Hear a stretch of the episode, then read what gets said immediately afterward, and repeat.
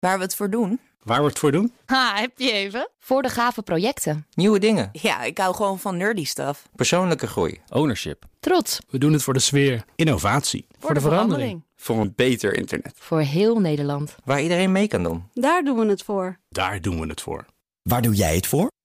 Kom werken voor KPN en groei op jouw manier. Check de actuele vacatures op het gebied van data, security, development en networking op jobs.kpn.com/tech. Wetenschap vandaag. En daarin gaan we het hebben over hoe jongeren vinden dat hun ouders de opvoeding aanpakken. Ik zeg explosief onderwerp. Dat gaan we doen met wetenschapsredacteur Paulien Swuster. Hi. Hallo.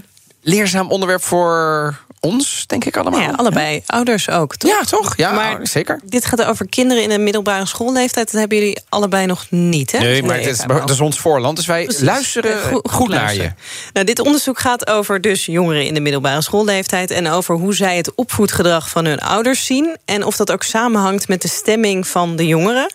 En de onderzoekers wilden dus weten... denken ze hetzelfde over het opvoedgedrag? Dus als jij vindt dat je warm en steunend bent... richting je kind, vindt je kind dat dan ook? Oh dear.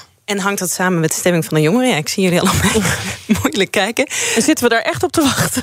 dus Heftig. vraag ik even hardop, ja. Nou ja, deze ouder-kindparen die moesten dus elke eh, 14, dagen, eh 14 dagen lang moesten ze elke dag een app invullen. eh, om te kijken nou ja, of dat samenhangt hoe ze er tegenaan kijken. En dat is dan een verschil met hoe normaal dit soort onderzoek werkt. Want vaak zijn het vragenlijsten. Dus dan moet je zeggen over de afgelopen periode. Hoe voelde ik me als jongere? Of hoe, vind- hoe beoordeel je je opvoedstijl als ouder? Ben jij warm? Ben je kritisch? Et cetera. Maar dit is dus echt kijken naar het dagelijks leven. En ik laat de promovendus in kwestie, Loes Jansen, even uitleggen hoe de studie eruit ziet. Je krijgt gewoon meerdere keren per dag eh, een vragenlijst via een app. En dan wordt er gevraagd hoe blij ben je vandaag of op dit moment. Of hoe verdrietig ben je op dit moment. Ehm, en ouders doen dat ook. Dus ouders en jongeren doen dat tegelijkertijd 14 dagen samen eigenlijk.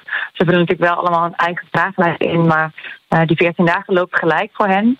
Eh, en aan het einde van de dag vragen we wat meer algemeen over bijvoorbeeld eh, in dit geval hoe warm was je ouder of hoe warm was je richting je kind en hoe kritisch was je ten opzichte van je ouder, ten opzichte van je kind en hoe kritisch was je vader of moeder.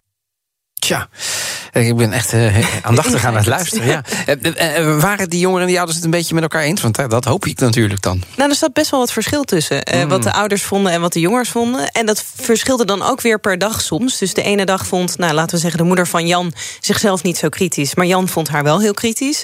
En de andere dag vond ze zichzelf misschien niet zo heel warm en steunend. En Jan juist wel. En soms waren ze het ook helemaal met elkaar eens. Eh, dynamisch noemen de onderzoekers dat. Goh, ja. Mooi. Maar er zijn wel wat algemene conclusies als je naar de hele groep kijkt. Over het algemeen waren de jongeren positiever over de ouders dan de ouders over zichzelf. Dat is En- hoopgevend. Ja, toch? Dus Ja. ze zeiden eigenlijk, nou, jullie zijn minder kritisch dan je zelf eh dacht Of is dat een soort. Stockholm-syndroom, denk ik dan? Alsof ik... Hallo. Ja, We maar bedoel, kinderen die houden gewoon toch ook Ja. onvoorwaardelijk van, van hun ouders, weet je wel. Ondanks dat best ze criminele daden uithalen, of wat? Nee. Nou, het kan zijn dat, want we zien eigenlijk het tegenovergestelde als je kijkt naar wat van die grotere vragenlijsten. Dus dan eh, schatten de ouders zichzelf juist wat positiever in. Maar eh, de onderzoeker denkt, ja, dat weten we nog niet helemaal. Maar dat dat misschien iets te maken heeft met dat je dit zo dagelijks eh, volgt. Dus dat je dagelijks iets minder bezig bent met wat is nou het sociaal Ja. gewenste antwoord. En iets eerlijker bent over hoe je je hebt opgesteld. Ehm, er was ook nog een ander verband, namelijk tussen de stemming van de jongeren en hoe zij kijken naar het opvoedgedrag. Dus als je eh, op één dag zegt: Ik vond mijn ouders heel warm, of mijn ouder, dan had je doorgaans ook een positievere stemming. En of dat dan, ja, wat dan de kip is en wat het ei, dat weet ze eigenlijk nog niet. We hebben alleen gekeken eigenlijk naar hoe het binnen één dag samenhangt. Dus zonder dat het echt een richting op gaat. Dus we kunnen stellen dat eh, op dagen dat bijvoorbeeld jongeren zich eh, meer warmte van hun ouders rapporteren. ehm, zijn ze bijvoorbeeld minder negatief of voelen ze zich minder negatief. Maar dat kan natuurlijk ook de andere kant werken. Dus we kunnen niet echt iets zeggen over richting, maar meer over een samenhang op de dag. Ja, dus er is een correlatie, maar wat precies de causaliteit is, dat weten we niet. En de andere ding wat nog belangrijk was, is of de ouderen en de jongeren op één lijn zaten. Want als de jongeren zeiden: Mijn ouder was niet zo warm. en de ouder vond zichzelf dat wel. dan waren ze op die dagen ook wat negatiever gestemd. Ja, eh, eh, eh, wat leren we hier daarvan? Want ik vind het interessant, maar hebben we een, een, al een, een van de learnings die we kunnen optekenen? Nou ja, er is geen kant en klaar. Zo voed je je kind op uit. Ja, nee, de onderzoeker Loes. Ook een het- tegenvaller. Ja, Loes vindt het ook jammer. Iets wat wij ook wel veel horen van ouders, dat ze heel graag natuurlijk willen horen wat het beste is. Ja, maar dat kan je dus niet zomaar zeggen, want niet ieder kind heeft hetzelfde nodig. En niet ieder kind, als zich negatief voelt, wil bijvoorbeeld dat je warm en steunend bent, misschien juist kritisch. Nou, dat kan van alles zijn. En ja, Loester advies is: blijf praten. Echt het gesprek aan te gaan over. Nou, ik bedoel een bepaald gedrag zo. ehm, hoe ervaar jij dat? En dan een jongen kan aangeven van, nou ja, oké, ik snap je goede intenties misschien wel, maar ik heb het op dat moment helemaal niet nodig.